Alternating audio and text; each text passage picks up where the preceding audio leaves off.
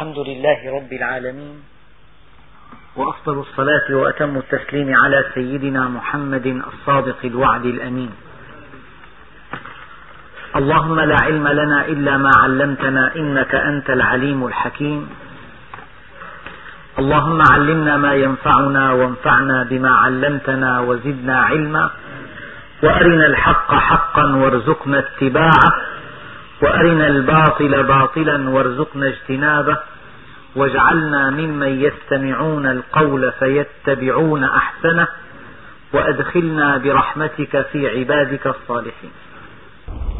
أيها الإخوة المؤمنون وصلنا في قصة سيدنا يوسف إلى أن إخوة يوسف استقر قرارهم على قائلهم الثاني. قال قائل منهم لا تقتلوا يوسف وألقوه في غيابة الجب يلتقطه بعض السيارة إن كنتم فاعلين. الاقتراح الأول قتل هذا الغلام الصغير. والاقتراح الثاني وضعه في بئر على طريق القوافل. فإن مات كان هذا هو المراد. وإن أنقذ وأخذ إلى بلاد أخرى. كان هذا هو المراد. والمراد أن يفصلوا بين الأب وبين ابنه ليخلو لهم وجه أبيهم وقد قال عليه الصلاة والسلام ليس منا من فرق.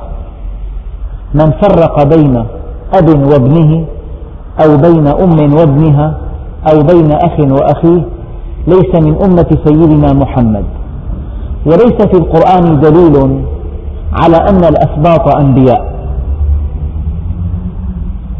أما بعض الآيات التي تذكر كلمة الأسباط عقب ذكر الأنبياء فهذا محمول على أن هؤلاء إنما هم من ذرية بني إسرائيل وليسوا إخوة يوسف على وجه التحديد. قال قائل منهم لا تقتلوا يوسف يوسف وألقوه في غيابة الجب يلتقطه بعض السيارة إن كنتم فاعلين. الآن بعد أن أحكموا الخطة وكادوا لأخيهم واتفقوا جميعا بل وأجمعوا انتقلوا إلى أبيهم. يبدو من خلال السياق أن أباهم ما سمح لهم في الماضي أن يصحبوا يوسف. لقولهم يا أبانا وكلمة يا أبانا فيها تحبب. يا أيها الأب فيها جفاء يا أبانا فيها تحبب. قالوا يا أبانا ما لك لا تأمنا على يوسف. هذا استدراج ذكي. سيدنا يعقوب ما خطر في باله أن يأتمروا على قتله. كأن تقول لمن تدعوه على طعام لعلك لا تحب الطعام يقول لك لا والله طعام طيب ولكنني اكتفيت. سيدنا يعقوب ما خطر في باله أن يقتلوه. فلما قالوا له ما لك لا تأمنا على يوسف؟ يعني نفى عنه هذه التهمة ما لك لا تأمنا على يوسف ثم أسرعوا وقالوا وإنا له لحافظون لناصحون أخونا نحن إخوة له. فلما ثم تابعوا وقالوا أرسله معنا غدا إن كنت تأمنا أرسله معنا غدا. يرتع ويلعب. ما معنى يرتع رتع يعني جلس في مكان جميل وأكل وشرب. تماما كما كما تفعل في النزهة تختار مكانا جميلا تجلس فيه تفتح الزاد وتأكل منه ما لذ وطاب. هذا هو الرتع وأساسه الأكل. قد ترتع البهيمة في الحقل أي تأكل. لكن الرتع إذا نسب للإنسان كان بمعنى النزهة أرسله معنا غدا يرتع ويلعب. اللعب معروف.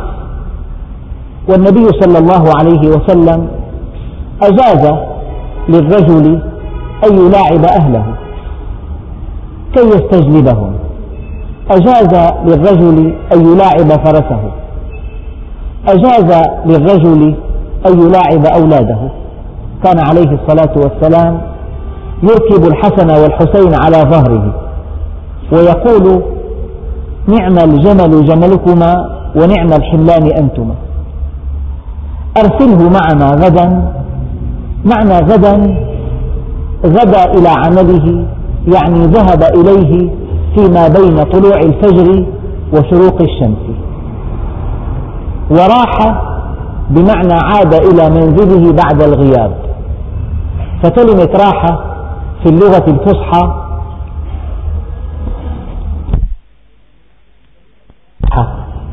كلمة راحة في اللغة الفصحى تعني العودة. فلو طرق بابك طارق وقال لك أأخوك هناك؟ قلت, قلت له والله راح. وهو داخل البيت. فقال لك سلم عليه. سلم عليه. هل أنت كاذب أم صادق؟ كلمة راحة تعني أنه عاد. وأخوك في البيت. نقول له أنت صادق لغة وكاذب شرعا. لأن الشرع يدور على النتيجة. ماذا فهم منك أنه ليس في البيت؟ إذا أرسله معنا غدا. يعني غدا في الوقت المبكر. يرتع ويلعب. وإن له لحافظون. هذا أخونا. قال سيدنا يعقوب إني ليحزنني أن تذهبوا به. معنى يحزنني أن تذهبوا به يعني إنه ليحزنني أن أفارقه. إنني لا أحتمل أن يبتعد عني. إني لا أطيق فراقه. إني ليحزنني أن تذهبوا به. وأخاف أن يأكله الذئب. يبدو أنهم طلبوا من أبيهم أن يأخذوه إلى ظاهر المدينة إلى بادية إلى صحراء. وإن أخوف ما في الصحراء ذئابها. ثم عقب سيدنا يعقوب وقال وأنتم عنه غافلون. يعني أنا لا أتهمكم أنتم. أخشى أن تتغافلوا عنه أن تنشغلوا عنه بسواه فيأكله الذئب. فكان جوابهم قالوا لئن أكله الذئب ونحن عصبة. نحن عشرة رجال أشداء. إن أكله الذئب وهو بين أظهرنا وهو في حفظنا وهو على ذمتنا وهو في عهدتنا. نحن إذا جبناء. نحن إذا ضعفاء. نحن إذا لسنا جديرين أن نرعى غنما. قال إني ليحزنني أن تذهبوا به وأخاف أن يأكله الذئب وأنتم عنه غافلون. شدة حرصه عليه وشدة تطمينهم له. فلما ذهبوا به ذهبوا به وقيل إنه ودعهم إلى مسافة من الطريق طويلة. وفي أثناء توديعهم إياه توديعه إياهم كانوا يحملونه على أكتافهم إرضاء لأبيهم. فلما فارقهم أبوهم ألقوه على الأرض وجعلوا ينتهرون به ويقولون له ألم ترى أحد عشر كوكبا والشمس والقمر؟ اتضح أن هذه الرؤيا التي رآها سببت لهم كل هذا الضيق وكل هذا الحسد وكل هذا هذه المؤامرة. فلما ذهبوا به وأجمعوا أن يجعلوه في غيابة الجب معنى أجمعوا يعني صمموا. حدثني رجل قال لي كنت أشتري الصوف من البادية. سولت لي نفسي أن أتلاعب بالميزان. فكنت أبلغ صاحب الصوف رقما أقل من الرقم الحقيقي عند كل وزن. فلما انتهيت شعر صاحب البضاعة أن وزنها أقل مما يتوقع. فقال لي كلمات خوفتني. ثم تابعت طريقي إلى الشام. قال لي في أثناء الطريق أنا في صراع نفسي. بين أخذ ورد. أأعود إليه وأنقذه بقية الثمن أم أسكت؟ أرجئ هذا إلى رحلة قادمة؟ لا زلت في أخذ ورد وسؤال وجواب وصراع وحوار إلى أن قلت في مكان ما في الطريق ما الذي يحدث؟ هكذا كان. قال والله الذي لا إله إلا هو. ما هي إلا دقائق. حتى رأيت نفسي ملقا على الأرض وسط بحرة من الدم. لقد تدهورت بي السيارة. كلمة فأجمعوا يعني إذا واحد وقع بمعصية لا يصر عليها. يطلب من الله التوبة. يطلب العفو. يطلب المغفرة. أما إذا أصر عليها فالجزاء يكون وقتئذ عاجلا. فلما ذهبوا به وأجمعوا اتفقوا أن يجعلوه في غيابة الجب وأوحينا إليه لتنبئنهم بأمرهم هذا. طبعا في بعض التفاسير تفصيلات طويلة جدا وحوار وسؤال وجواب وتوسل من أخيهم ألا يجعلوه؟ ارحموا ضعفي ارحموا والدي كيف آكل؟ كيف أشرب؟ كيف أنام؟ أنا ضعيف؟ أنا أخوكم الصغير؟ كانوا مصممين على وضعه في هذا المكان. فلما ذهبوا به وأجمعوا أن يجعلوه في غيابة الجب وأوحينا إليه لتنبئنهم بأمرهم هذا. لا بد من أن تكبر. لا بد من أن تنجو من هذه الورطة. الله سبحانه وتعالى طمأنه. لا بد من أن تنجو من هذا المكان ولا بد من أن تكبر ولا بد من أن تنبئهم بفعلتهم هذه. وهم لا يشعرون. قد يقابلونك وهم في أمس الحاجة إليك ولا يعرفونك أنك يوسف وقد تفاجئهم بفعلتهم الشنيعة. ولا يشعرون بهذا وأوحينا إليه لتنبئنهم بأمرهم هذا وهم لا يشعرون وهم لا يشعرون أن الله معه وهم لا يشعرون أن العاقبة لأخيهم الصغير الذي كان أقربهم إلى الله عز وجل. وجاءوا أباهم عشاء يبكون. أولا بكاؤهم كذب. فيا أيها القضاة لا تصدقوا متهما أنه بريء إذا بدأ يبكي. فالبكاء قد يكون سلاحا من أسلحة الكذب. وجاءوا أباهم عشاء يبكون. وضعوه في الجب وكانوا قد أرادوا قتله ومع ذلك جاءوا يبكون. هذا أول استنباط. الاستنباط الثاني جاءوا عشاء ليلا يعني والليل أستر لحالهم أستروا لملامح وجوههم أستروا لفعلتهم الشنيعة. وجاءوا أباهم عشاء يبكون.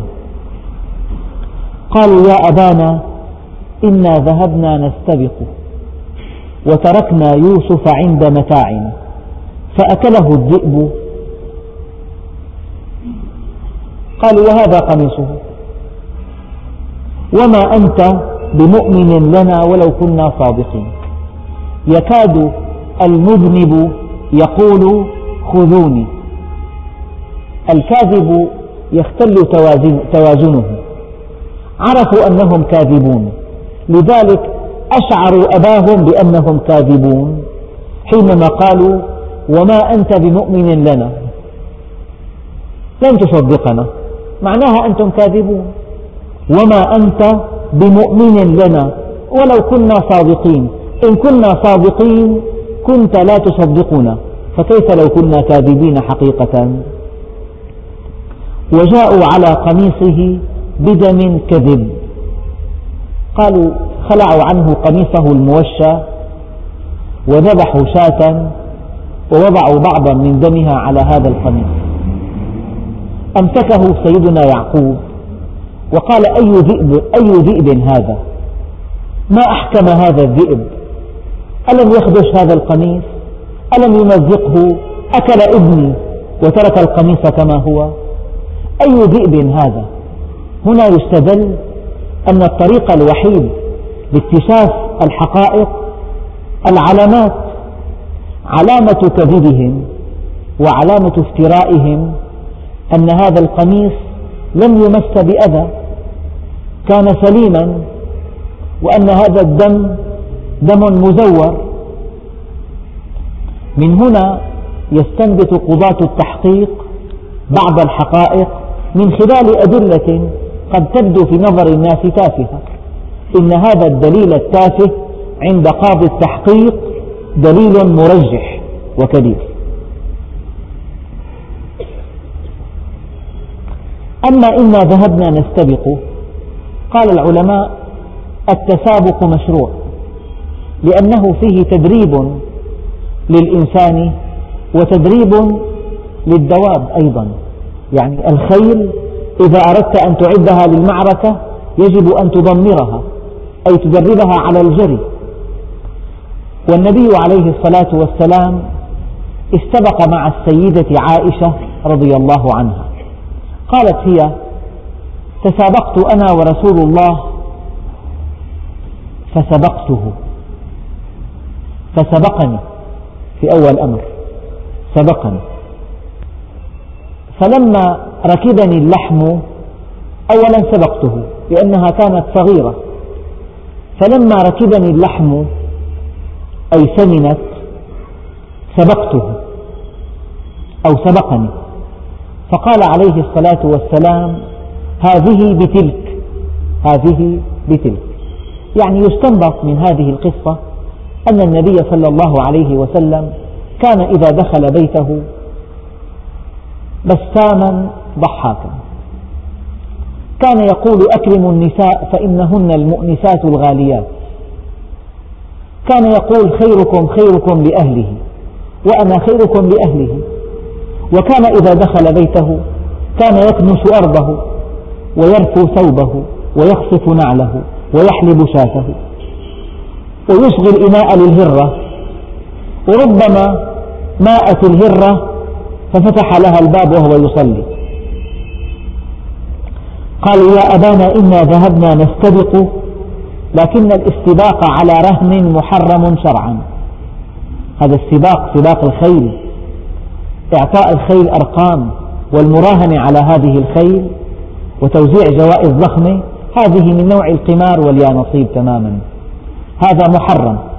الاستباق السبق البريء من دون رهان هذا الذي أحله الشرع وجاءوا على قميصه بدم كذب قال بل سولت لكم أنفسكم أمرا. استنبط. أن هذه قصة ملفقة وأن هذا القميص قد خلع منه خلعا وأن هذا الدم مزور وأن هناك مؤامرة حاكها إخوته وأن الذي أحس به من قبل قد تحقق. اتقوا فراسة المؤمن فإنه ينظر بنور الله وينطق بتوفيق الله. والأنبياء شعر من دون تفصيلات أن إخوته لا يريدون به خيرا. يعني كأنه أحس, أحس قلبه بهذا.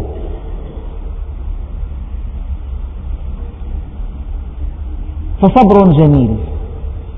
ما هو الصبر الجميل؟ الصبر الجميل الذي لا ترافقه شكوى إلى الخلق ويعاب من يشكو الرحيم إلى الذي لا يرحمه. الصبر الجميل ألا تشكو إلى أحد مصيبتك. إن شكوت إلى كافر فكأن فكأنما اشتكيت على الله. وإن شكوت إلى مؤمن فكأنما شكوت إلى الله. وشتان بين من يشتكي على الله وبين من يشتكي إلى الله. والصبر الجميل لا شكوى لا إلى مؤمن ولا إلى كافر. إنما أشكو بثي وحزني إلى الله. لأنك إذا شكوت مصيبتك لمؤمن حزن لحزنك وهو عبد فقير لا يستطيع أن يفعل شيئا. وإذا شكوت همك إلى كافر شمت بك.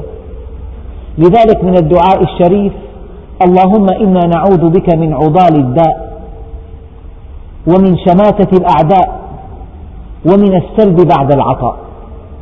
إنما أشكو بثي وحزني إلى الله.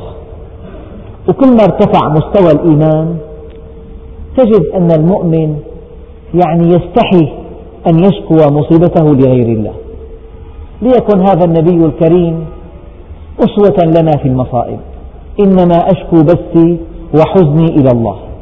هناك أناس إذا ألمت بهم ملمة يعني ملأوا الدنيا صياحا وصخبا ما من أحد يلتقون به إلا ويبثونه شكواهم. يشكون الزمان يشكون قلة الدخل. من جلس إلى غني فتضعضع له ذهب ثلثا دينه. ذهب ثلثا دينه. فصبر جميل.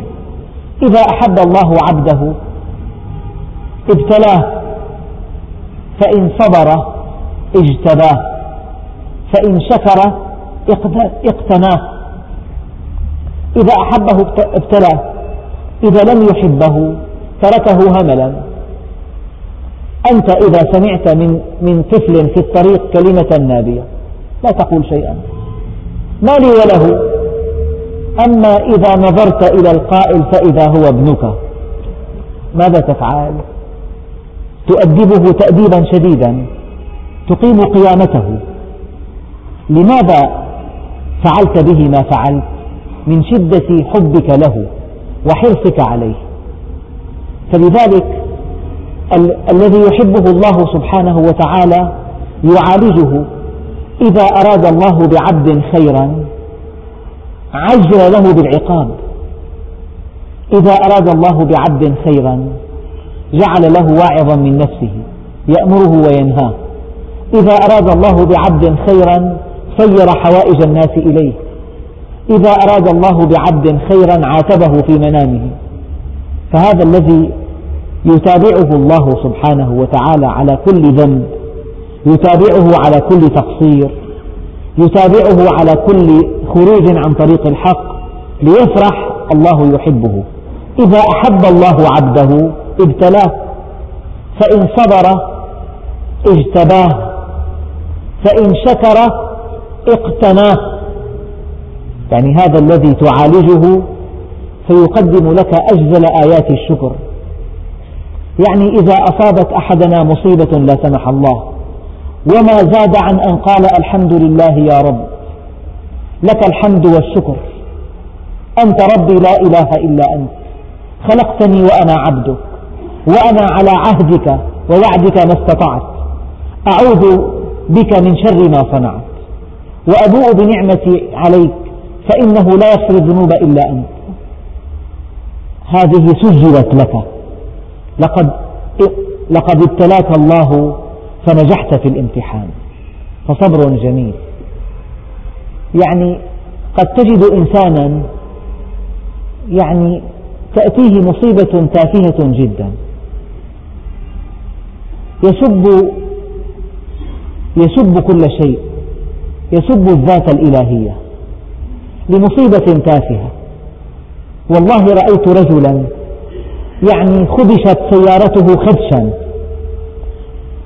سب الإله سبابا وسب الأنبياء سبحان الله لخدش طفيف لا يكلف ليرات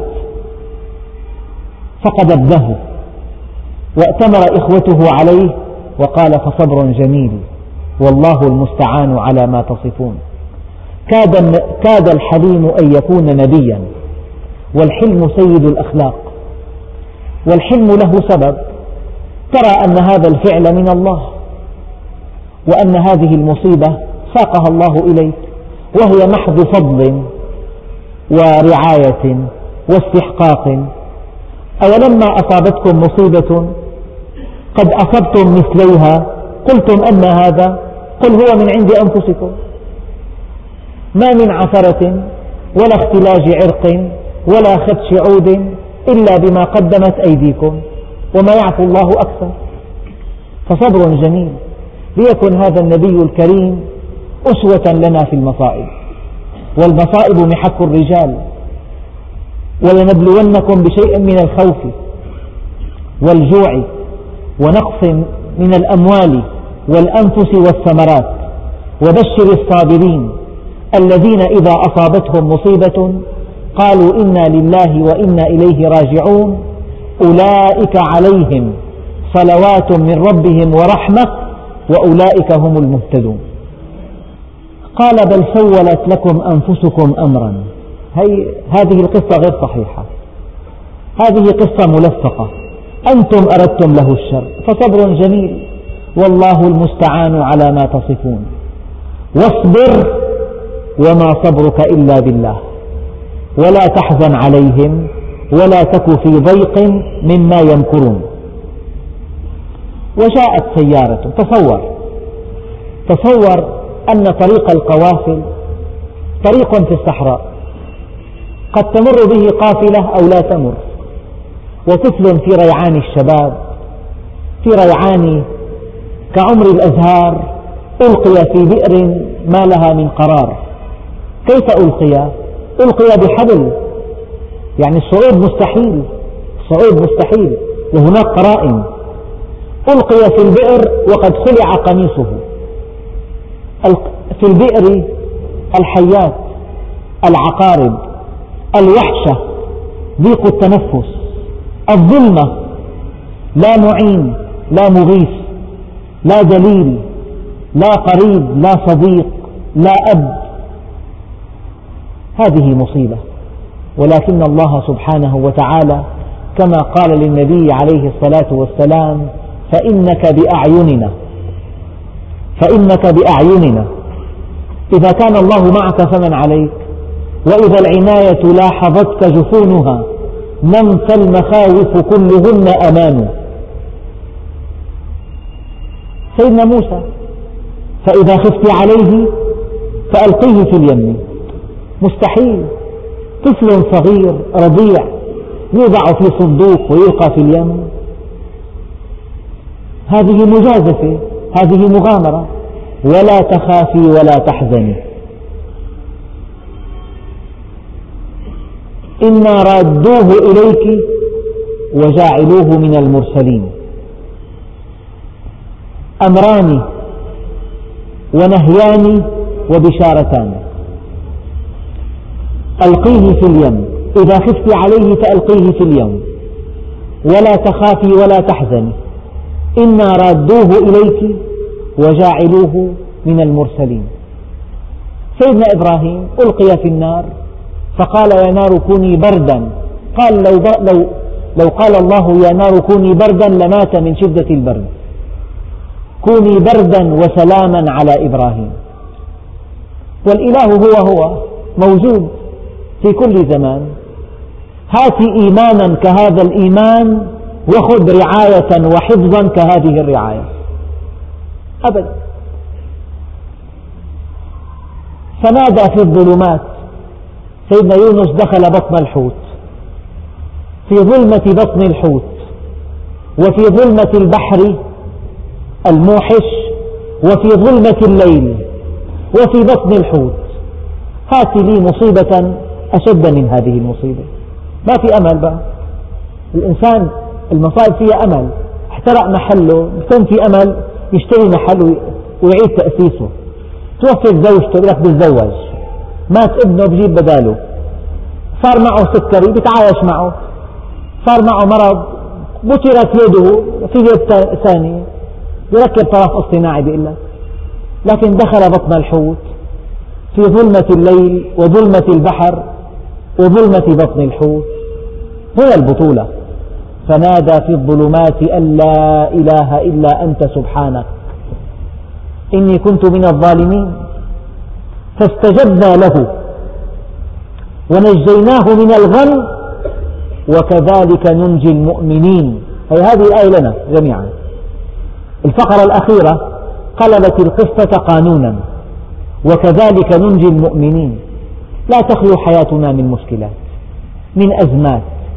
لا تخلو حياتنا من شبح مصيبة من مرض لم يكن متوقعا. قل يا ربي إني كنت من الظالمين تبت إليك. يعني الرجل المكلف بجلب الماء لهم من ورود الماء أي الذهاب إليه. فأرسلوا واردهم فأدلى دلوه أدلى البئر. ألا يجب أن يقول الله عز وجل فلما رفع الدلو هذا شيء بديهي. العرب تقول كل كلام تفهمه إذا لم يذكر يجب ألا يذكر. قاعدة. البلاغة في الإيجاز. ولولا الحذف والتقدير لفهم كلام العرب الحنيف. هكذا قالوا. في حذف دقيق. وجاءت سيارة فأرسلوا واردهم فأدلى دلوه. قال يا بشرى هذا غلام.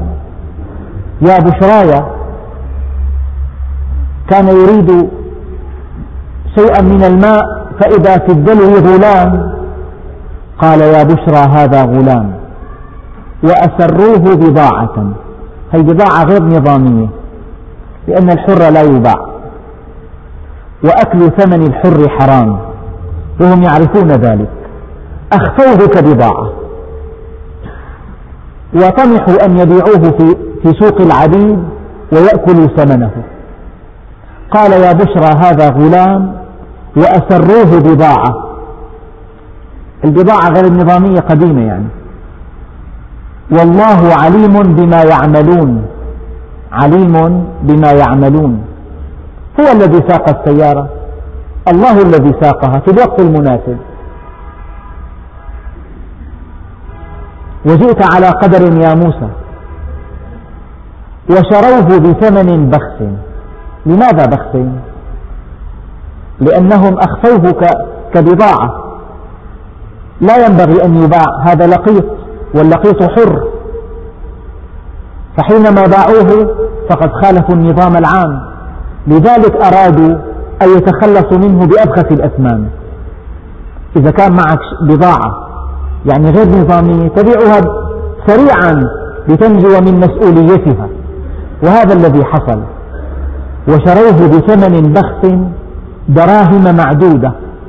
يعني الدراهم كانت تعد إذا كانت قليلة وتوزن إذا كانت كثيرة. ما دامت الدراهم معدودة إذا قليلة. وشروه بثمن بخس دراهم معدودة معنى شروه يعني باعوه. شرى بمعنى باع واشترى في الوقت نفسه. ومن الناس من يشري نفسه ابتغاء مرضات الله يعني من يبيع نفسه. إن الله اشترى من المؤمنين أنفسهم وأموالهم بأن لهم الجنة يقاتلون في سبيل الله. فيقتلون ويقتلون وعدا عليه حقا في التوراة والإنجيل والقرآن ومن أوفى بعهده من الله. والغريب أنه في القرآن الكريم ثمانية آيات على وجه الحصر. قرن فيها بذل المال مع بذل النفس وقدم بذل المال على بذل النفس يجاهدون في سبيل الله بأموالهم وأنفسهم. والعلماء قالوا قدم بذل المال على بذل النفس لأن بذل المال أهون من بذل النفس. إلا في آية واحدة قدم فيه بذل النفس على بذل المال. هذا في عقد البيع. يذكر الأهم على المهم. إن الله اشترى من المؤمنين أنفسهم وأموالهم.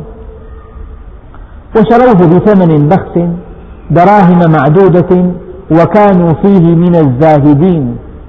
ما عرفوا أن هذا الطفل الصغير الذي باعوه بثمن بخس سيغدو نبيا عظيما وحاكما كبيرا لمصر. ما عرفوا ذلك. لذلك الصغار لا أحد لا أحد يعني يقلل من شأنهم. هذا الذي أمامك قد يكون مصلحا اجتماعيا قد يكون عالما كبيرا. قد يكون فيلسوفا قد يكون داعيا كبيرا إلى الله عز وجل. وكانوا فيه من الزاهدين وقال الذي اشتراه من مصر.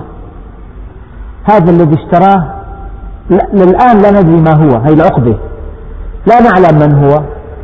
وقال الذي اشتراه من مصر لامرأته أكرمي مثواه. أكرميه شيء وأكرمي مثواه شيء آخر. المثوى مكان السوي وهو الإقامة. إذا كان مكان السوي مكرما فكيف بصاحب المقام؟ هذه مبالغة في الإكرام. لم يقل أكرميه أكرمي مثواه. يعني مبالغة في الإكرام. أكرمي مثواه عسى أن ينفعنا أو نتخذه ولدا. طبعا هذا الإكرام مشوب بالمنفعة. وقد يكرم الإنسان أحيانا لا لسبب ليس ابتغاء الإكرام بذاته ولكن ابتغاء منفعة ما. هذا الإكرام مشوب لا قيمة له.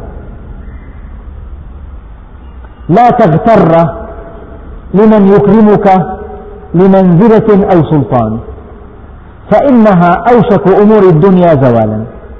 ابحث عن من يكرمك لذاتك لا لما عندك. رأيت الناس قد ذهبوا إلى من عنده ذهبوا. نعم. وقال الذي اشتراه من مصر لامرأته أكرمي مثواه عسى أن ينفعنا أو نتخذه ولدا. استنبط العلماء أن عزيز مصر الذي اشتراه لم ينجب أولادا فأراد أن يجعله ابنا له بالتبني. انتهت أول مرحلة من القصة وكذلك مكنا ليوسف في الأرض. انتقل من البئر إلى القصر. ومن جفوة الإخوة إلى إكرام السيد. وكذلك مكنا ليوسف في الأرض. هي إذا كان الله معك فمن عليك. هي فإنك بأعيننا.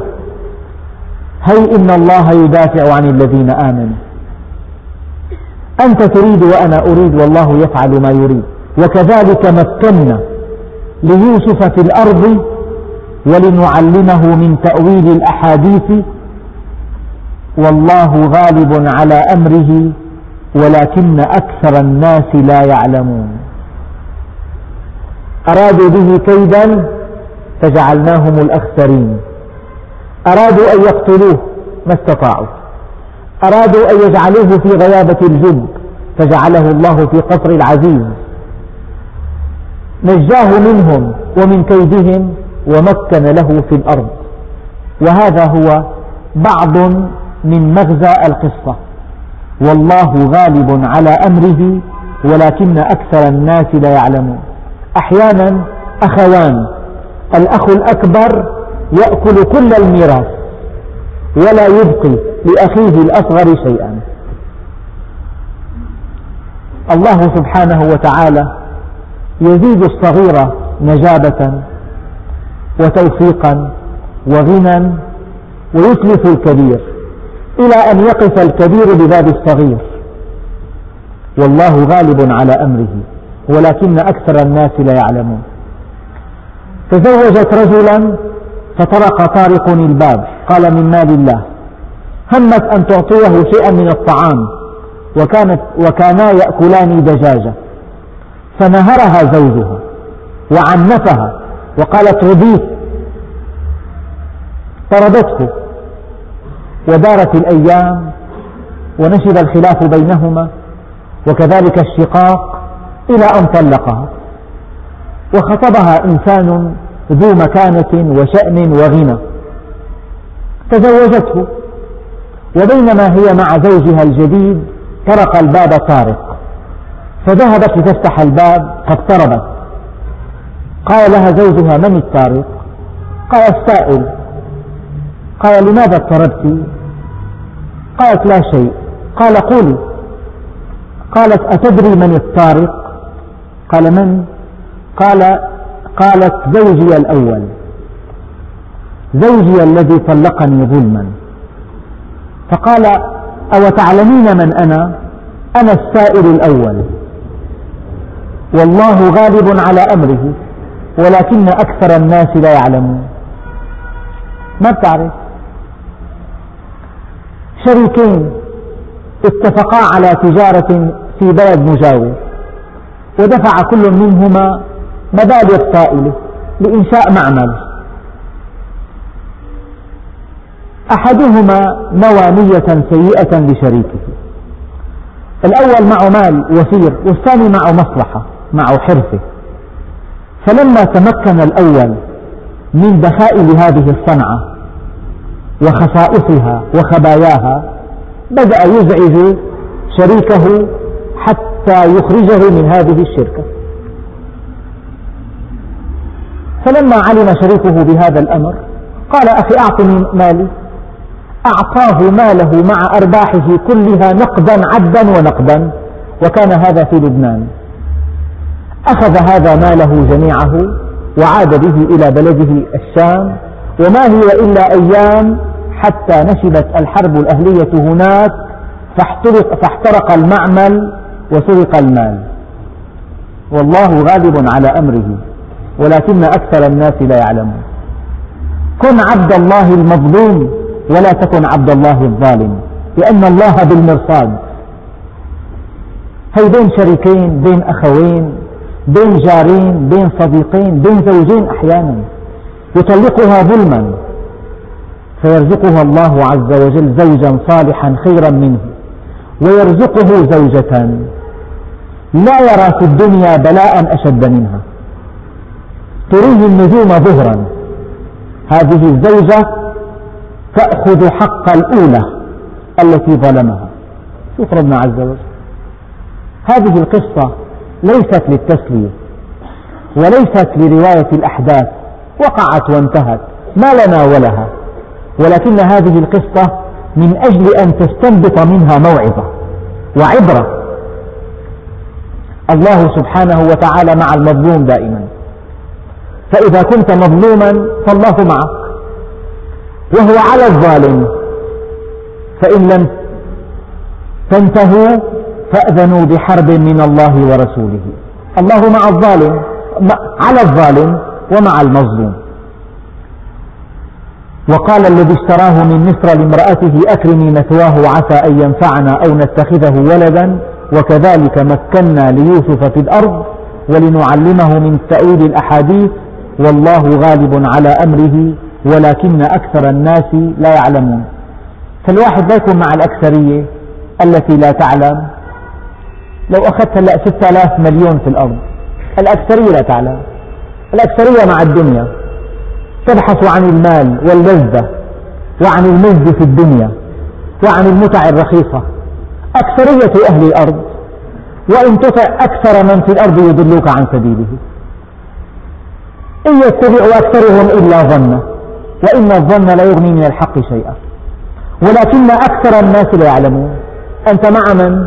مع الأكثرية أم مع الأقلية؟ كن مع الأقلية العالمة ولا تكن مع الأكثرية الجاهلة.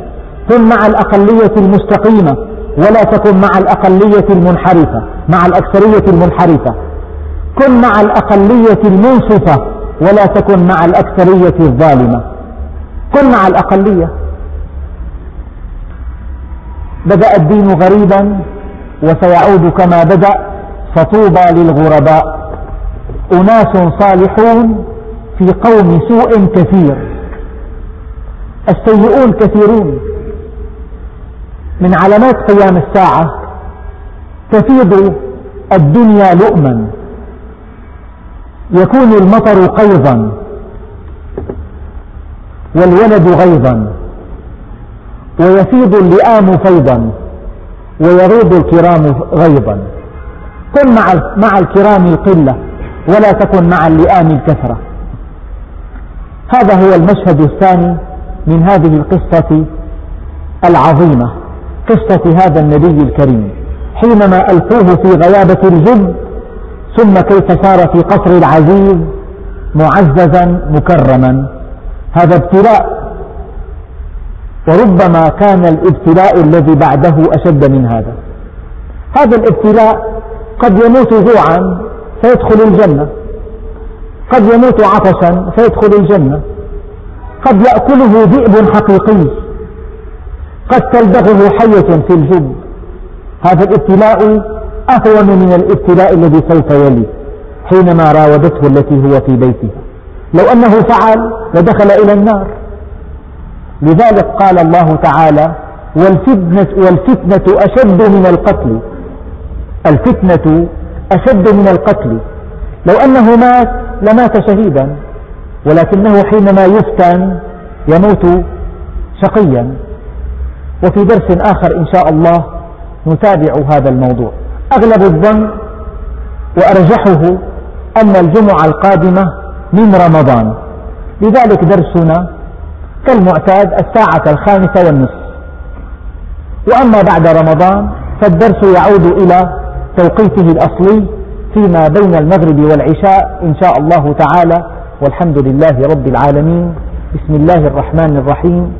الحمد لله رب العالمين.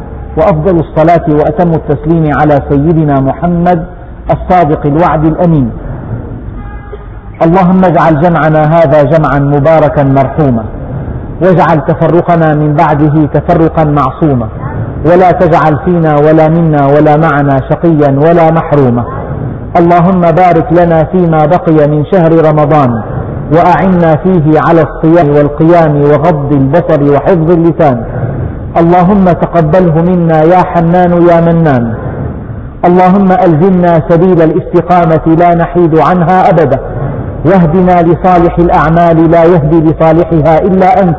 وصلى الله على سيدنا محمد وعلى آله وصحبه وسلم والحمد لله رب العالمين الفاتحة